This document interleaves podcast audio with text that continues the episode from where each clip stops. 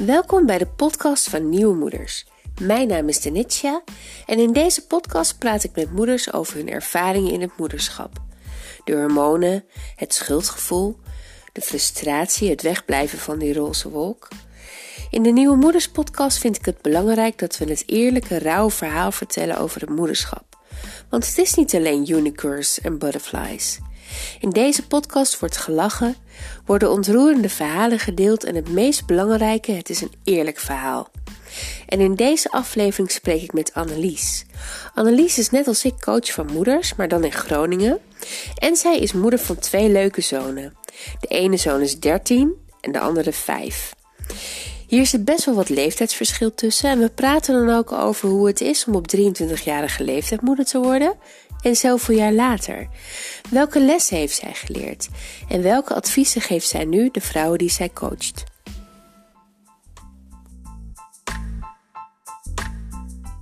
Annelies, welkom. Dank je wel. In de podcast. En um, zou jij je even voor willen stellen? Yes, helemaal goed. Ik ben uh, Annelies Bondo. Ik ben 37 jaar. Ik ben uh, de vrouw van KD en de moeder van twee prachtige jongens. David van 12, bijna 13. En Nathan van 5. Ja. Ja. Leuk. Ja. Hey, en wat, uh, wat doe jij in het dagelijks leven? Um, ik uh, werk via mijn eigen bedrijf als mama coach. Mm -hmm. En ik werk daarnaast in loondiensten als gezinstherapeut. Ja. ja. ja. Dus ook, dus ook mama coach, hè? Yes. Leuk. Daar komen we zo even op terug hoe jij daar bent gekomen en wat je daarin doet. En wat je dus ook kunt betekenen voor de vrouwen om jou heen. Ehm, maar ik stel eigenlijk altijd uh, uh, een standaard vraag. En dat is, hoe was jouw ochtend? Ja, nou, hij was vanmorgen best ehm, oké. In tegenstelling tot de afgelopen twee ochtenden. Want toen was mijn man er niet. Door, mhm. Die was op familiebezoek. En uh, dat was echt chaos. Maar vanmorgen we waren weer met z'n tweeën. Dus dat was echt gelijk een stuk relaxter. En uh, zowel onze jongste, die komt altijd s'nachts bij ons in bed. Mm -hmm. En um, nou, gisterochtend en de ochtend daarvoor kreeg ik hem echt nauwelijks wakker. Maar vanmorgen was hij gewoon om zeven uur al wakker. En wow. ja, ja, ja. En ook onze puber, die echt moeite heeft met opstaan in de ochtend. Ik heb drie mannen die allemaal geen ochtendmensen zijn. dus meestal zijn de ochtenden echt trekken. Maar uh, vanmorgen liep het aardig gesmeerd, want zelfs onze, onze puberboy nou, kwam redelijk snel uit zijn bedje. Oké, want ze moeten weer naar school. Moesten ze vandaag ook naar school? Ja, vandaag moesten ze alle twee naar school. ja. ja. ja. Want je, je jongste zit op de basisschool, dus uh, die moest dan vanaf maandag hele weken weer, toch? Hele dagen. Ja, klopt. Ja, ja die zit in groep 2 en de oudste zit uh, in de brugklas. Ja. Ja, dus die is vorige week weer begonnen en dan uh, nu ook de halve week, zeg maar. En hoe vindt hij het om weer naar school te moeten, die oudste? Ja, vreselijk. Ja, hij vindt school echt niet, uh, niet heel tof. Dus ja, hij vindt het ingewikkeld. En vooral ook, hè, de ene dag wel, de andere dag niet. Nou, voor dat puberbrein zit daar mm. natuurlijk totaal geen structuur in. Dus het nee. is echt ingewikkeld. Gisterochtend had hij ook een les gemist. Dat moest hij dan thuis volgen. En hij dacht dat hij om negen uur moest beginnen. Maar hij had om kwart over acht al Engels. Ja, oh, oh, kwart over acht al. Ja, en toen lag hij echt nog heerlijk te slapen. Dus gisterochtend hadden we strijd. Ja. Want uh, toen spoorde ik hem aan om op te staan en uit bed te komen. En uh, nou ja, hij lag nog lekker in bed. En hij zei, kun je de tablet brengen? Ik zei, wat denk je zelf? nou, hij kon het proberen, toch? Zeker, zeker, ja. Ja. ja. Is dat herkenbaar voor jou? Ja, daar hadden we het uh, vorige keer ook al over. Dat onze zoons even oud zijn. Dat scheelt echt maar een paar dagen, toch? Ja, klopt. Ja. Maar uh, ja, dat is heel herkenbaar. Net ook, toen uh, maakte ik hem wakker. en hij was een beetje ziek geweest deze week, dus hij heeft niet echt iets aan school gedaan nog. En toen zei ik van, uh, dus hij heeft ook gewoon helemaal geen huiswerk gemaakt, is woensdag. Dus ik zei, uh, nou, uh, kijk even naar je huiswerk. Nou, oké. Ja, op mijn telefoon laat hij niet. Mag ik hem op jouw telefoon zien? En zeg ik, ja, is goed. Maar dan blijft hij in zijn bed liggen. Oh, ja. Dus zijn telefoon kon brengen. Nee, dat gaan we niet zo doen.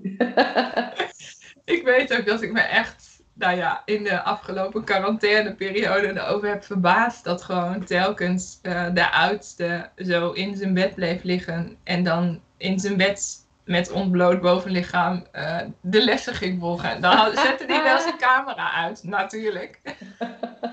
maar dan lag hij gewoon in bed die lessen te volgen. Ik dacht, oh.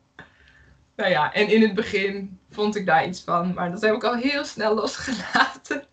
Het is goed dat je dat hebt losgelaten, ja. In het belang van uh, laten we gewoon uh, hè, zorgen dat we het oké okay hebben met elkaar.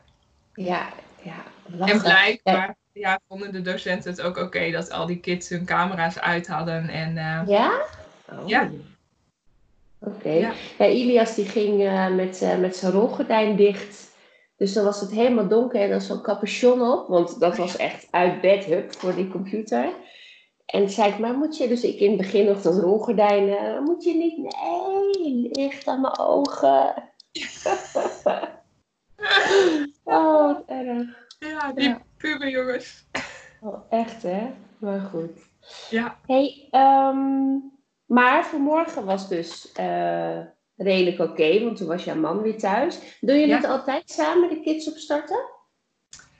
Um, nou, zoals ik zei, ben ik zeg maar het ochtendmens in, onze, in ons gezin en uh, de rest niet. Dus ik sta altijd vroeg op. Ik ga de broodjes smeren uh, voor de jongens en meestal ook voor de oudste. Um, en nou ja, de deal is dan dat uh, mijn man zorgt dat de jongste aangekleed en wel um, hè, op tijd aan zijn ontbijt zit. Ja. Maar goed, in de praktijk is het meestal dat ik nog weer naar boven ren om te zeggen: Hallo, het is al uh, half acht geweest. We moeten nu echt. Uh, liggen jullie nu nog in bed? Schieten zo. Ja. Nou ja, en heel vaak neem ik dan voor de oudste ook gewoon een broodje mee en een kopje thee. Dan denk ik, dan heeft hij in ieder geval ontbeten voordat hij vertrekt in alle haast. Ja, ja. Oh, wat lief van jou. Ja, dat is ook omdat hij een hele periode het heel zwaar heeft gehad vanwege echt gezondheidsproblemen. En uh, nou ja, toen dacht ik, wat kan ik doen om hem te helpen zo in die ochtend uh, rush. Ja. En dat was een klein ding wat ik kon doen en wat voor mij relatief weinig moeite kost. En uh, ik weet dat hij heel goed zijn eigen brood kan smeren. Dus dat, daar hoef ik echt geen zorgen over nee, te maken. Inderdaad. Nee, nee. En dan is het gewoon een kleine, nou ja, liefdevolle daad, zeg maar, uh, die ik kan doen om zijn dag iets makkelijker uh, te laten starten. Ja, ja, lief van je inderdaad. Ik weet je, ik denk ook wel dat we onze pubers soms een beetje te veel op de huid zitten hoor. Ik merk het zelf wel. Dat um, die frontale cortex die begint een beetje af te brokkelen. Nee, die, die loopt natuurlijk achter op de rest eventjes in de puberbrein. Ja. En, uh, en dan, dan gaan ze wat, wat, wat, wat ja, uh, aparter gedrag vertonen. En ja. dan heb, ben ik geneigd om daar dan, dan nog meer bovenop te gaan zitten. Om hem ook soort, of, of voor mezelf misschien, dat hij kan laten zien dat hij het eigenlijk allemaal wel kan.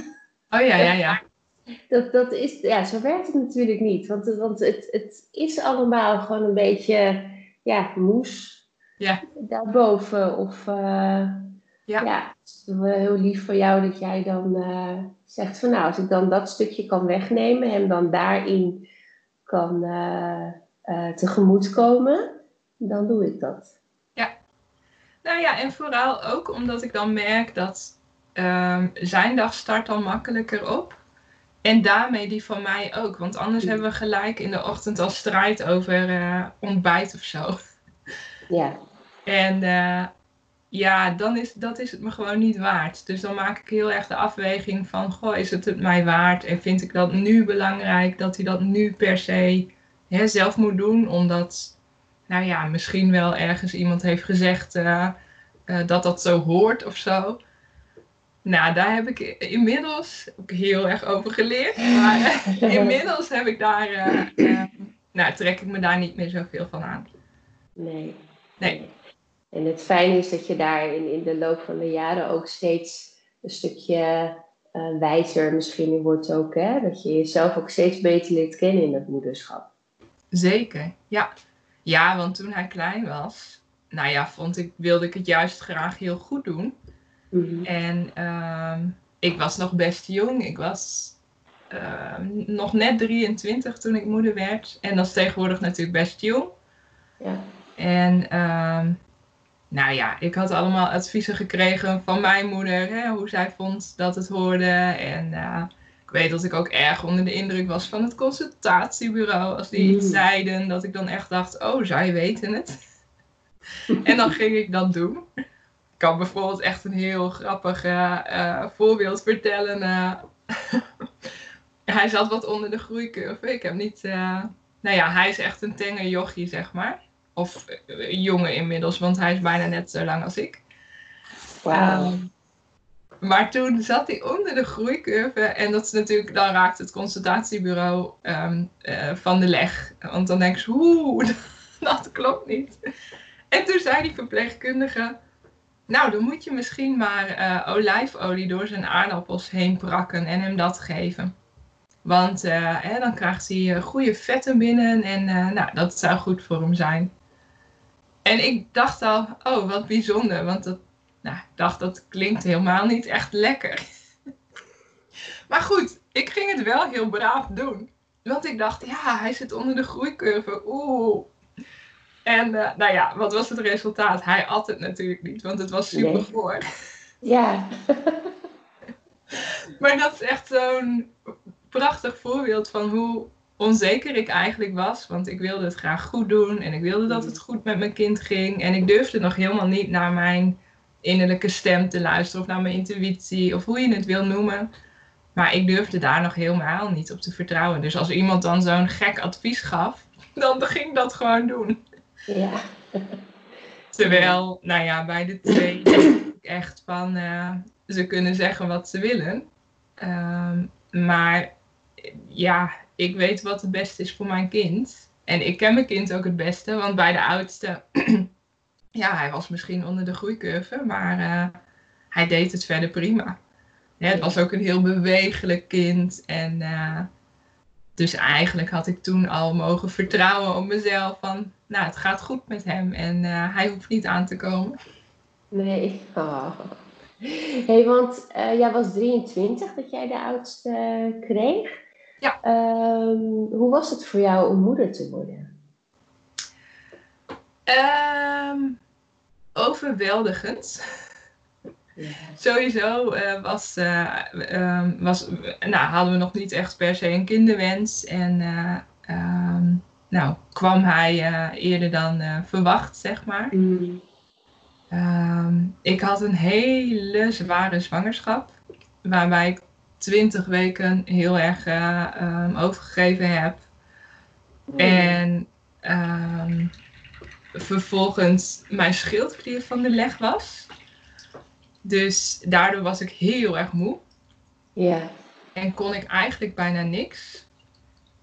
Um, dus nou ja. eerst was jij twintig weken ziek en daarna was jouw schildklier van de leg? Of kwam dat allemaal samen? Ja, het kwam zo wel ergens een beetje samen. Want ik, Ja. ik nou ja, sowieso met dat overgeven dacht ik dat stopt bij 12 weken. Nou, dat bleek helemaal Oh, niet per se zo te zijn.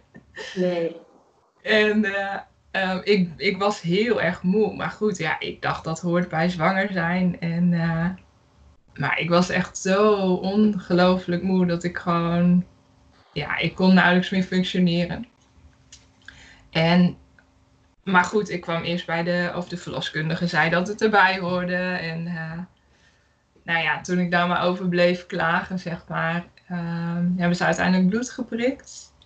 Mhm. En toen bleek dat, uh, nou ja, dat mijn schildklier veel te traag werkte. Dus uh, ja, toen kreeg ik daar medicatie voor uiteindelijk. Maar dat duurt ook best wel een tijdje voordat schildkliermedicatie uh, goed is ingesteld. En er waren nog wat waarden afwijkend. Dus ik moest ook naar de internist, geloof ik. Nou ja, die moest zich zo ook mee bemoeien. Dus de zwangerschap was, was pittig. Ja, ja. ja. En echt helemaal niet een roze wolk. Um, nou ja, van hoe je dat ook wel ziet. Ik weet ook dat ik voor het eerst bij de verloskundige kwam en dat ik echt dacht, oh wat is iedereen blij. Maar ik vond het vooral ook gewoon zwaar. Ja, ja. En hoe was dat voor jou dan, dat, dat iedereen zo blij leek en jij het gewoon eigenlijk heel zwaar had? Ja, dat vond ik heel ingewikkeld. Dat voelde heel eenzaam eigenlijk. Hmm. Want eigenlijk voelde het toen al een beetje alsof ik niet ehm, was hoe het hoorde of zo. Hmm. ook weer, ja, zo bijna alle moeders zitten op een roze wolk en gaan op den duur lekker uh, shoppen. Nou, daar had ik helemaal de energie niet voor. Nee.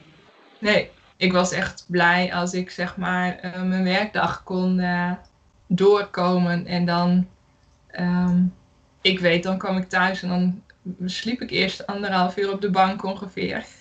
Ja. En dan dacht ik, oh, ik moet ook nog iets van eten. En ik dacht, ik moet gezond eten. Maar ik was echt blij met de afhaalmaaltijden van de Albert Heijn. Ah. Ja, ja, ja, zo beroerd was je. Ja. Ja. Ja. Ja dus... toen, en is dat je hele zwangerschap uh, doorgebleven tot aan het eind?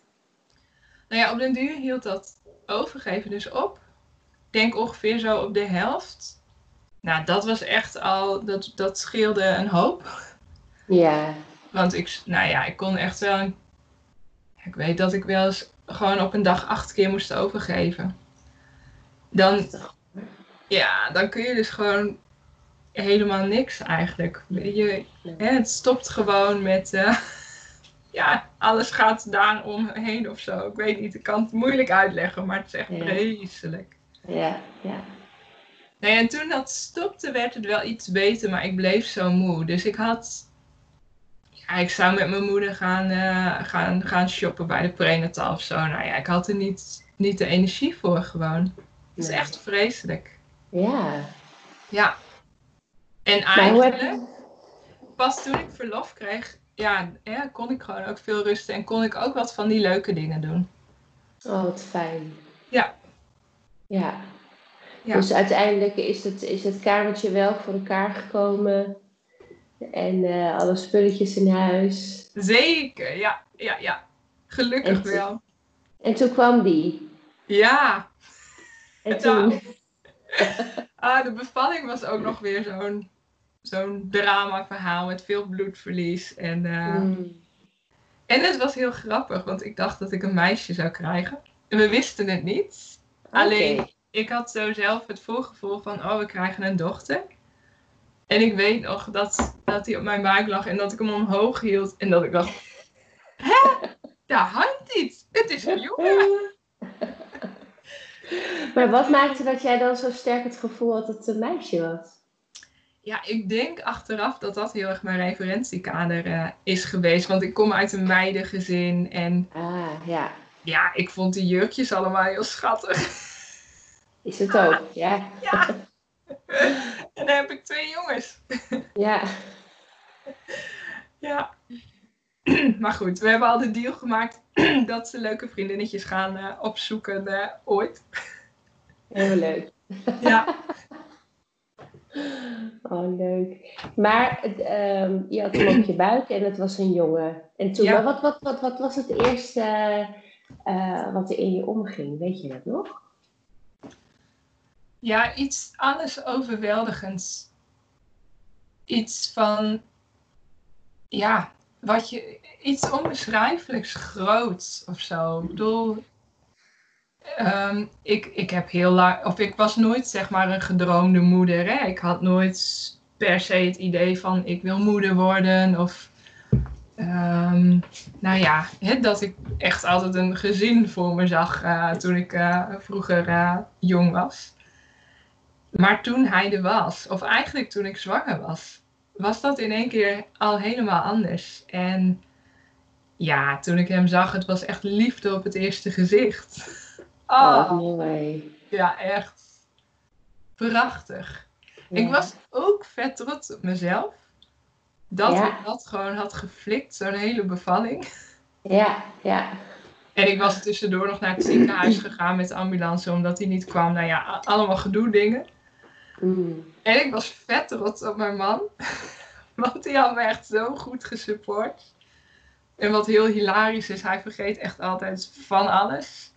Maar hij had zelfs in zeg maar die hectiek, toen we met de ambulance naar het ziekenhuis moesten, had hij nog om de labello gedacht.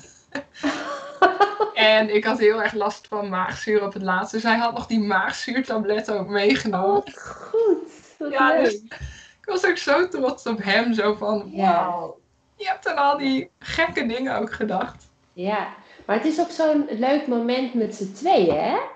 Ja. Dat, dat, dat je, want je bent allebei, nou je weet dat dat kindje komt, maar je bent echt nog met z'n tweeën. Want ik weet nog dat bij mij braken die vliezen om zeven uur s ochtends of zo. Ik stond op om te plassen. Oh ja. En uh, ik, ik, nou ja, ik sta en flash, alles loopt. En toen was het echt, oh, oh ja, uh, wat moeten we ook weer doen? En echt een beetje giechelig allebei. En ja. uh, dat was ook wel weer heel, heel leuk om dat samen zo mee te maken. Ja, zeker. En ook om dan te ervaren dat je zo'n team bent of zo. Ja. ja. Ja. En dat je dus, nou ja, ik was dus echt heel verrast over mijn man, zijn uh, alertheid opeens. Ja? Ja, zo van dat hij dus om die gekke dingen dacht, hè? labello en uh, maagzuurtabletten. Ja, ik bedoel, normaal uh, vergeet hij echt van alles, heel vaak. Maar op een moment daar, en dat was het met de tweede ook, was het precies hetzelfde weer. Hij regelt het dan en uh, nou ja, dat maakte ook dat ik echt uh, bezig kon zijn met in die, ja, in die flow zitten van uh, je kindje op de wereld zetten. Ja, fijn joh. Echt ja. fijn. Ja. Ja, ja magic. Ah. Ja.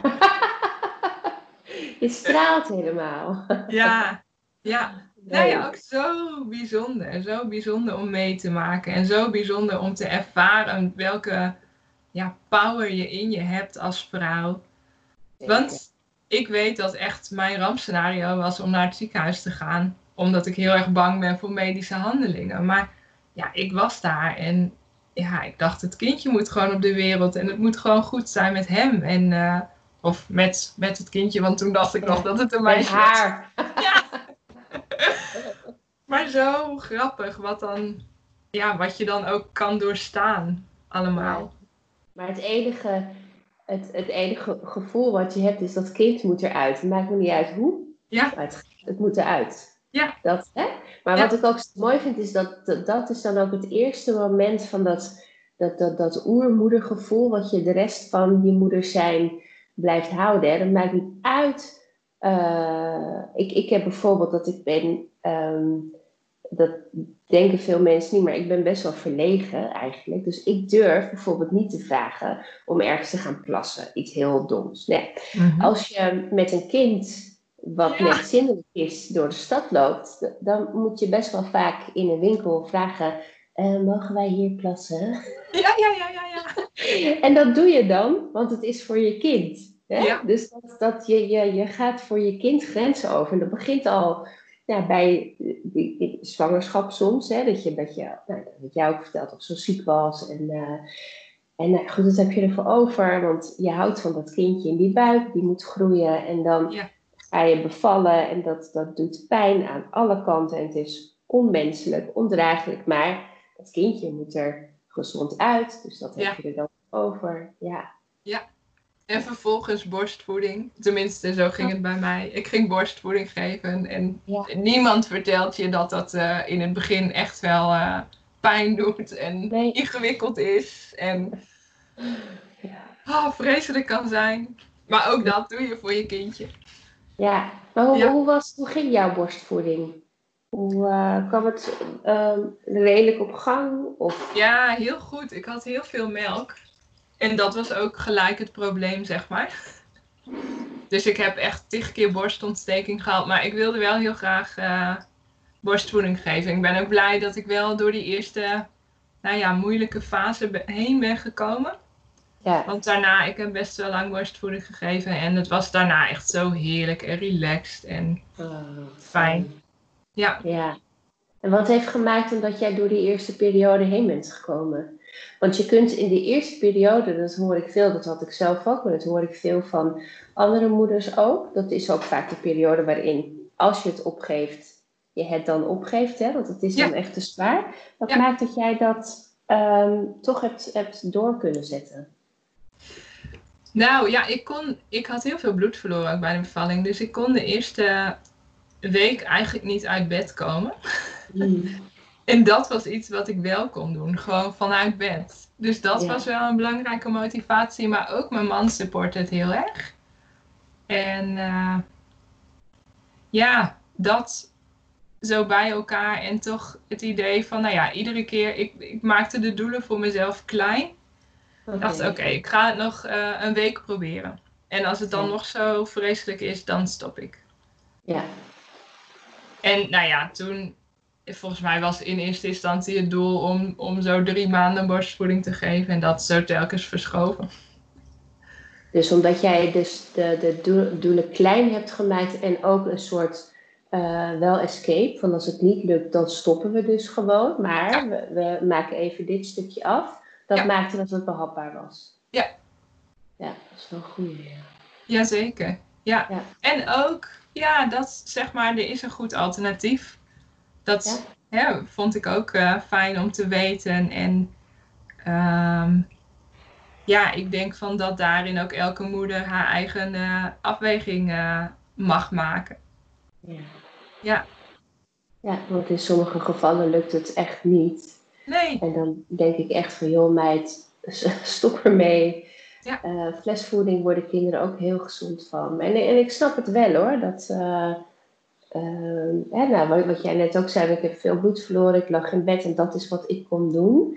Ja. veel, veel vrouwen, soms zit er ook een stuk ja, schuld achter misschien ook. Hè? Van, ehm, ik heb laatst iemand gesproken, die podcast is al geweest, die vertelde ook dat zij ehm, ja, voor haar gevoel haar kindje niet heeft kunnen voldragen. Die kwam vroeg. Oh, ja. Uh, dus dat zij zich daardoor uit, echt uitputte door borstvoeding te blijven geven. Ja. als een soort, soort schuld van ik, ik, moet dit, ik moet dit doen voor mijn kindje. Ja. En, terwijl dat eigenlijk, eigenlijk niet nodig is om je daar dan schuldig over te voelen. Hè? Nee, Nee. dat schuldgevoel mogen we echt en die hoge verwachtingen, daar mogen we echt als moeders mee stoppen. meteen. Ja, nu meteen. Wat gisteren. ja, ja. Ja, dat is echt, uh, nou ja, wat, wat wij ook volgens mij in comment hebben. Hè, dat, uh, um, ja, dat is zo jammer, want daardoor ben je zo met andere dingen bezig dan waar het om zou mogen gaan en zou moeten gaan. Hè? De verbinding met je kindje en genieten van het moederschap. Met alles erop en eraan, want het is soms heel pittig en het is soms heel veel. Um, maar als we dan ook nog hoge verwachtingen en hoge eisen aan onszelf stellen en misschien wel willen doen hoe het hoort of um, nou ja, twintig ballen in de lucht houden, um, dat hoeft niet. Nee, nee, dat hoeft niet. Amen. Ja. ja. Mee eens. Hey, maar even, even, even terug naar jou. Naar, ja. uh, uh, nou, dat jij net moeder was. Ja. Jij, um, je, je, je, vond het een wonder. Je, je, je was, was gelijk verliefd op je kindje. Um, borstvoeding kwam lastig op gang, maar op een gegeven moment uh, ging het lekker. Hoe, ja. hoe was het verder? Nou ja, ik vond het best uh, uh, pittig ook, want ik moest weer werken als kostwinner. Uh, mm. Ik werkte vier dagen en ik vond het een hele klus. Ik wilde eigenlijk veel liever gewoon bij mijn kleine mannetje thuis zijn. Maar na tien weken moest ik weer werken. En moest die kleine man naar de crash. En we hadden een fantastisch kinderdagverblijf uitgekozen. Um, maar nou, ik vond het echt helemaal niks. En ik hoorde dan van andere moeders die er opgelucht over waren dat ze weer mochten werken. En dan dacht ik ook, oh, doe ik dan iets verkeerd? Of uh, is dit niet hoe het hoort? Of, nou ja, ik vond dat heel ingewikkeld. Ja. Was echt heel onzeker. Ja, onzeker en aan het zoeken. En um, eigenlijk had ik ook het gevoel dat ik op alle kanten faalde. Want ik moest veel werken. Ja, dat was gewoon wel moest. Want anders hadden we geen, uh, geen eh, dak boven ons hoofd. Bewijzen van, nou vergroot ik het heel erg uit. Maar uh, ja, werken moest. En, um, maar tegelijk ja, had ik wel het idee van, oh ik doe mijn kleintje tekort. Ja. En um, ik weet ook bijvoorbeeld dat ik in het begin hij sliep in eerste instantie best goed, maar na een tijdje kreeg hij oorontsteking telkens. Echt, nou ja, bijna iedere nacht uh, voor mijn gevoel. Het is inmiddels bijna 13 jaar geleden, dus de herinneringen uh, zijn misschien wat uh, vervormd. Maar ik weet dat we echt een periode hebben gehad dat hij heel veel oorontsteking had. En dat we dan iedere nacht naast zijn bedje lagen op zijn slaapkamertje. Want ik vond, ik, ik dacht van je verwent hem als je bij, bij je in bed neemt. Ja. Dus hij moest op zijn eigen kamertje van mij. Mijn man was daar eigenlijk helemaal niet mee eens. Maar uh, ik had dat zo geleerd. Dus ik dacht, oh, zo hoort het. Ja. En dan lagen we iedere nacht ja, naast zijn ledikantje met van die spijltjes uiteindelijk hadden we er maar een campingmatrasje neergelegd om zelf nog een soort van comfortabel te liggen. Want hij had zo'n oorpijn en dan lagen we zo met een arm door die spijlen heen. Nou ja, ik weet dat ik in die periode ook zo ongelooflijk moe was. En dat ik toen een keer een dag hem naar het kinderdagverblijf heb gebracht en zelf naar huis ben gegaan om te slapen. Maar oh, wat voelde ik me daar schuldig over. Het voelde echt alsof ik nou ja, mijn kind tekort deed, omdat ik een dag mm. vrij had genomen om bij te slapen. Ja. En ehm, ja, hem uh, naar het kinderdagverblijf bracht. Dus naast hoge verwachtingen ook schuldgevoel. nou ja, het, het gevoel te hebben van tekort te schieten op alle vlakken. En ja, ik vond dat echt ingewikkeld, die eerste periode. Ja. ja. En ik denk sorry. ja, ik denk dat ik ook ehm, misschien veel te veel bezig was met zo ehm, al die dingen eromheen. Terwijl ik daardoor, als ik het nu achteraf bekijk, had ik gewoon al die dingen eromheen uh, um, er mogen laten zijn. Maar dan ging het om ons. Mm en, wat waren die dingen eromheen dan? Ja, het werk en al die ballen hoog houden. Ook nog sociaal leven hebben. Um, wij waren, ik denk, ongeveer de eerste van onze uh, vriendengroep die een kindje kregen. Um, nou, dus dat vond ik best, ja, dat vond ik gewoon lastig. Echt een lastige periode. Ja. Want hoe doe je dat met een kind? Hè? Ik bedoel, ja, je kan niet meer gewoon doorgaan hoe het was. En voor een deel uh, moet dat ook wel, hè, met werk bijvoorbeeld. Dus ik vond dat echt heel uh, ingewikkeld. Ja, dat is het ook. En ik denk um, zeker ook omdat je zo uh, jong bent. En um, ja, je bent onervaren. En niemand is een ervaren moeder de eerste keer. Dus dan, dan snap ik dat je heel erg die externe ja, factoren eigenlijk meeneemt. Maar is dat ook wel hoe jij toen ook in het leven stond? Dat jij ook wel heel erg uh, die buitenwereld meenam in, of, of heel erg in contact stond met dat allemaal buiten jullie? Ja, wel veel meer. Ja. En daarin is het moederschap ook wel heel erg een spiegel geweest. Ja. Ja. Ja. En ja, inderdaad. Ja, heb ik nou ja, daar ook heel veel van ja, mogen leren. En um, heb ik dat bij, uh, bij onze tweede uh, bijvoorbeeld heel anders gedaan. Ja. Want was je daarbij, toen je zwanger was van de tweede, je daarvan bewust dat je dacht, ja, dit wil ik echt anders gaan doen straks? Ja, eigenlijk is dat zo um, ja, een beetje een proces geworden. Hè? van telkens, ehm, nou, wat toch tegen de muur lopen. ehm, denken van, oh, dit is niet hoe ik het wil. Of hè, zo je de vraag stellen van, is dit wat ik wil? Ehm, hè, hadden we het ons zo bedacht? En eh, nou, daarbij speelde ook wel mee, we wilden graag een tweede kindje. En ehm, toen ik, nou, die zwangerschap liet wat op zich wachten. En toen ik zwanger was de tweede keer, eh, is dat een vrij late miskraam geworden. Mm. Dus dat was echt, eh, nou, heel naar heb ik dat ervaren. Ja. Ehm, want het kindje was zo gewenst. En hè, met dat je een test doet, zie je het hele plaatje al voor je. Weet je wanneer je uitgerekend bent. Weet je wanneer je met verlof gaat. Nou ja, dan, dan is het plaatje in je hoofd gaat al helemaal ehm, lopen. Ja. Dus dat vond ik heel ja, lastig. En toen... ehm, eerst dacht ik van, oh, ik wil gelijk weer zwanger worden. En toen zei de gynaecoloog volgens mij van, goh, je moet wel hè, bedenken hè, of je dat ook eh, mentaal aan kan. En toen werd ik eigenlijk heel bang, want ik dacht, oh, straks gaat het weer mis. Nou, ik dacht, dan kun je mij echt opvegen. Dat trek ik niet. Dus toen durfde ik heel lang eigenlijk niet meer zwanger te worden. Nee. En toen, ik denk na een jaar, dacht ik van nou, oké, het zou nu, hè, nu ben ik weer, nu voelt het alsof het weer kan. En toen duurde het vrij lang. En eigenlijk had ik het toen ook wel wat ehm, ja, opgegeven, wellicht. Toen dacht ik, ah, misschien blijven we dan gewoon met z'n drieën. Hè? Ik had altijd een plaatje in mijn hoofd van een gezin met, eh, met z'n vijven. Ja. Ehm, en toen dacht ik van, nou, misschien blijven we gewoon met z'n drieën. En toen werd ik toch nog een keer zwanger.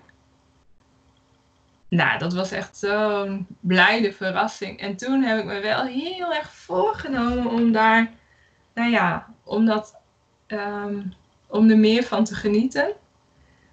Ehm, en ik was gewoon, ik was zelf gegroeid, want ik was toen al zeven jaar moeder.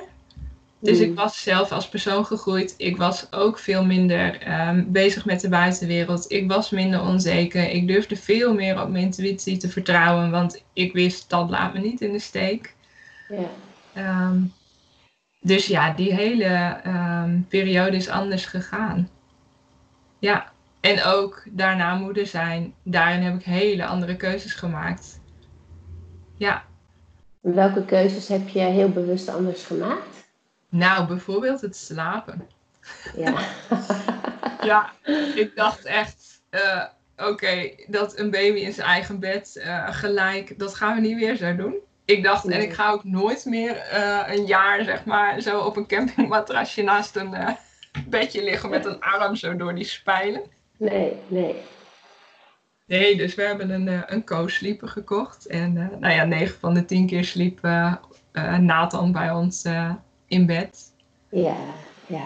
En nu nog steeds. Hè? Ik bedoel, ehm, nou ja, hij komt nog elke nacht zo tussen ons in liggen. En tuurlijk vind ik dat soms ook wel eh, vervelend. Of, ehm, hè, ik bedoel, hij wordt natuurlijk groot. Hij is inmiddels vijf, hij wordt straks zes. En eh, ehm, ja, het is gewoon een, een groot kind. Dus soms is het bed gewoon best klein. En toch denk ik nu van, we hebben ook wel geprobeerd hè, om hem echt in zijn eigen bed te laten slapen. En dat een beetje zo, nou, middels zo'n slaaptrainings iets gedaan. Maar ik merk dat hij heel erg bang is. En ja, ik denk, ik kan hem nu die veiligheid bieden ehm, wat ik hem graag wil bieden. Ja. Dus ik kies er nu voor om het gewoon lekker op mijn eigen manier te doen. En iedereen mag ervan vinden wat hij ervan vindt. Maar wij doen het hoe wij vinden dat het goed is voor ons Ja. gezin. Ja. Ja. En krijg je veel eh, meningen van anderen daarover? Zeker. Ja. Oké. ja. Ja, echt mensen. Nou ja, misschien niet eens zozeer dat ze direct dan zeggen van eh, wat ze ervan vinden. Sommige mensen overigens ook wel. Eh, die vinden dit echt niet oké. Dat krijg ik wel eens te horen. En, eh, en ander- heel veel mensen zeggen dan van. Ja, nee, ik, ik zou dat echt heel anders doen. Nee, ja, ik deed dat altijd zo. En Ja. Alsof dat dan een betere optie is. Ja. Ja. Nou ja, En waar ik bij David dan echt misschien daar uh, ongelooflijk onzeker van geworden was, denk ik nu, oké, nou, ik doe het lekker anders. Ja, ja. Ja, weet je, en dat is, dat is echt een les die we kunnen leren uit het moederschap. Hè? Dat je, jij hebt het dan twee keer mee mogen maken en bij de eerste keer heb je het heel anders gedaan dan bij de tweede keer. Ja. Ehm, dat je gewoon weet dat je naar je eigen moedergevoel moet luisteren, want jij weet wat dat mannetje nodig heeft. Ja. En, dat, en, en, en ehm, die, die eerste keer dan heb je al die theorie waarschijnlijk nog in je hoofd en alles wat je, wat je, hoe je het zelf geleerd hebt uh, en, en, en de mening van anderen. En dan ga je iets doen wat eigenlijk tegen jouw natuur ingaat. En tegen de natuur van jouw man. Want jouw man dacht, hup, uh, kind één al bij ons in bed, maar mama Leeuw won het. Dus je zei, nee, we gaan... Uh, ja. We gaan liggen en dan uh, aaien. Ja. En, maar de tweede keer weet je, um, weet, weet, je gewoon, of in jouw geval dan, hè, van, maar dit, dit is niet hoe, dit past niet bij ons, het past niet bij ons kind. Ja. Uh, en dat is heel bevrijdend, lijkt me. Ja, heel erg. Ja, en ook met David hebben we dat inmiddels ook, hè, want daar groei je in dat proces natuurlijk. En um, ik weet in de corona heeft hij bijvoorbeeld um, heel weinig voor school gedaan. Dat had ook een goede reden voor hem, omdat hij uh, um, nou, heel angstig werd van, uh, van alle corona-toestanden. Uh, ja. en de eerste week hebben we daar nog een beetje strijd over gevoerd met school en met hem. En de, daarna dacht ik, laat maar. Wat is het allerbelangrijkste? het belangrijkste is dat het goed gaat met hem en met ons. Want daar gaat het om. Ja. En dat kan ik niet overdoen. En strijd voeren, ja, daarmee gaan we dat niet bereiken. Dus uh, let go. Ja. ja. Ja. Ja, en dat is echt, nou ja, heerlijk inderdaad. Bevrijdend. Ja, klopt. Wat vind jij het allergrootste verschil tussen, want er zat best wel wat jaren tussen jouw eerste en je tweede. Ja. Ehm, ook in ontwikkeling, denk ik, wat we allemaal weten over uh, zwangerschap, moederschap, maar ook in je eigen uh, ontwikkeling. Wat, wat is voor jou het grootste verschil daarin? Um, ja, echt het vertrouwen op mezelf. Het vertrouwen op mijn eigen intuïtie als moeder. Ja. Ja, en dat is zo'n groot verschil, want daar, van daaruit, hè, van als je dat vertrouwen hebt, dan maak je zulke andere keuzes, veel meer in verbinding met je kindjes, dan wanneer je heel onzeker bent. Dus even, om dit even te parafraseren, zeg je nu, op het moment dat je meer in verbinding met jezelf staat ook, dus ook wel keuzes voor jezelf maakt, mm sta je eigenlijk ook meer in verbinding met je kindjes. Ja. En wat wij dus altijd denken als, als jonge moeders is hoe meer ik aan mezelf denk, hoe minder ik aan mijn kindjes denk. Ja? ja. Zo werkt dat dus niet. Nee. nee. Klopt. Dat is precies het voorbeeld wat ik gaf over hè, als, toen ik bij de oudste uh, hem een dagje naar het kinderdagverblijf uh, bracht om zelf bij te tanken. Uh, toen voelde ik me daar heel schuldig over. Nu doe ik dat soms bewust, omdat ik weet dat ik vervolgens, hè, dan ben ik veel uitgeruster en dan kan ik weer veel meer genieten van, van mijn jongens. En dan kan ik veel beter de irritaties tussen hun onderling hebben en handelen. En ja, dus dan, dan ben ik gewoon zelf zoveel stabieler en, en krachtiger. dat ik dat nu met liefde doe. Ja, ja. Ja, maar ik denk, weet je, zo werkt het natuurlijk uh, in, in veel relaties op het moment dat je van jezelf kunt houden en voor jezelf kunt zorgen, uh, kun je dat ook voor een ander. Ja. En uh, ja, ik denk dat dat echt wel een les is wat we mogen leren met elkaar als moeders. Ja, zeker. Ja, en elkaar daar ook in supporten. Want dat is wat je soms dan ook um, ziet, hè? dat er een soort van nou ja, zo'n krabbenmand-effect ontstaat. Hè? Dat het een soort van concurrentie is of zo. Terwijl, ah, laten we elkaar supporten. En juist als. Dat er zijn duizend manieren om je kinderen op te voeden. En als je ervan uitgaat dat iedereen dat vanuit de beste intenties doet, uh, dan wordt dat al zo'n stuk makkelijker. Ja. En dan, uh, dan kun je elkaar supporten in keuzes die misschien niet de jouwe zijn, maar die voor die moeder en voor dat gezin wel heel goed werken. Ja, ja. En, en dat is het, hè? Er is niet één manier. Nee. En uh, er zijn sowieso al heel veel verschillende stromingen in opvoeding. Ja. En, en je, neemt, je neemt jezelf mee, je neemt uh, je eigen opvoeding mee. En ja, wat je zegt, als we elkaar. Dat zou echt een revolutie zijn. Ja. Als we als moeders elkaar daar, nou, wat je zegt, in kunnen supporten ook.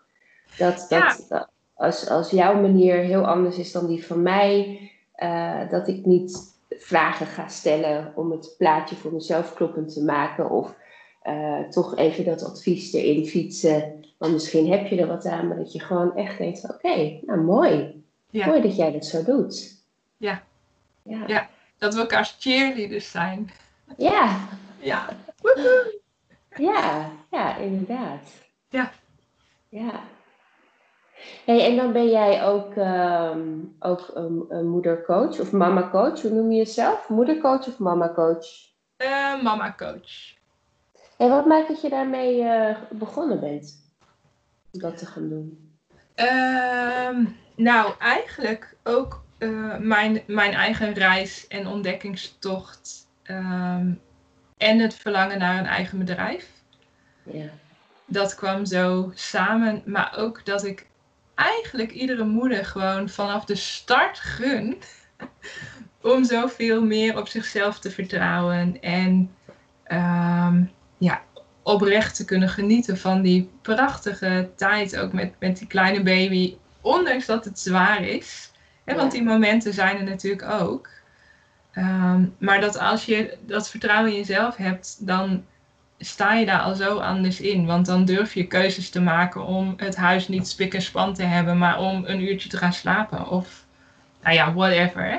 Ja, Wat jij op zo'n moment nodig hebt. Ja.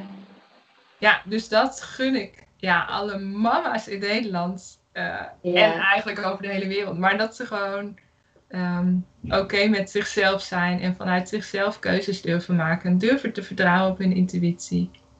Ja. Ja, en ook dat we elkaar als mama's daarin supporten. Ja, mooi. Ja. ja. Wat is nou de meest veel voorkomende, zo dat is een ruizing, thema wat jij krijgt in je praktijk? Waar moeders mee komen? Um, nou, ja, balans wel. balans tussen al die rollen. Daarvoor mhm. ben ik ook een, uh, een uh, community begonnen op Facebook, Moeders in Balans.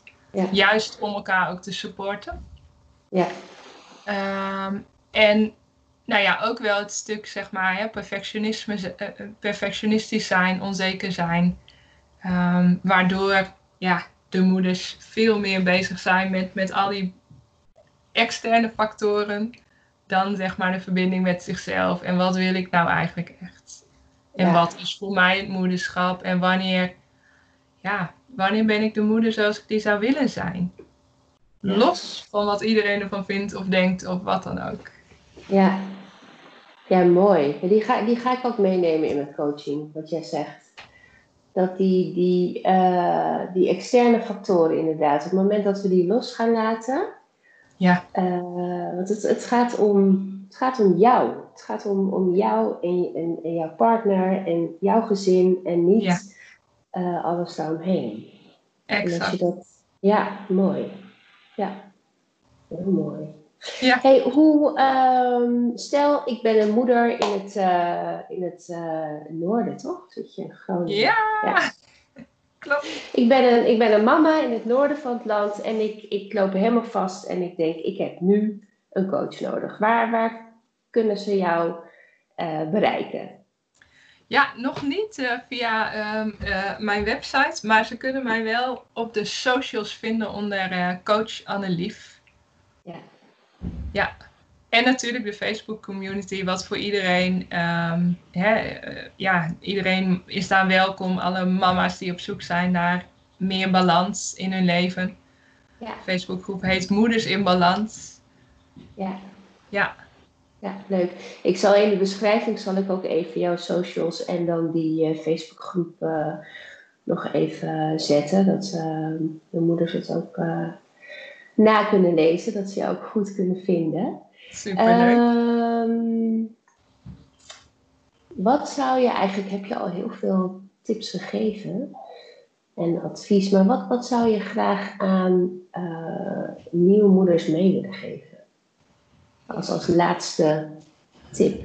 Ja, uh, ja, eigenlijk dat je, je hebt alles in je. Je weet het allemaal al. En durf daarop te vertrouwen. Ja. Ja, dus eigenlijk luister naar jouw innerlijke stem of naar je intuïtie, hè? hoe je het ook maar noemt. Iedereen heeft daar een ander woord voor. Maar luister daarnaar en vertrouw daarop. Want dat is oké. Ja, hè? ja. Ja. Nou, hele mooie, hele mooie afsluiter. Nou, dan wil ik je bedanken voor je, voor je tijd. En, ja, eh, heel graag gedaan. Nou ja, en wat we vorige keer ook al zeiden, het is gewoon super leuk dat er uh, veel meer uh, mama-coaches ook komen. Omdat er zoveel vrouwen zijn die het nodig hebben dat er naar, naar ze geluisterd wordt. En dat ze nou, wat je net al zei, van, je hebt het in je. Je hebt, je, hebt, je hebt de antwoorden zelf, dat zeg ik ook altijd. Maar soms heb je eventjes iemand nodig die jou helpt zoeken naar die antwoorden. Ja. En het is echt ja, super fijn dat, um, dat jij er bent. En, en dat we er zijn om uh, die moeders te supporten en hun cheerleader te zijn. En hopen dat ze hun eigen cheerleader worden. Exact. Yes. Nou, ja. dankjewel daarvoor. Ja, jij ook heel erg bedankt dat ik hier mocht zijn en dat we samen nou ja, zo'n heerlijk gesprek konden voeren. Ja, hartstikke leuk. Graag gedaan. Oké. Okay.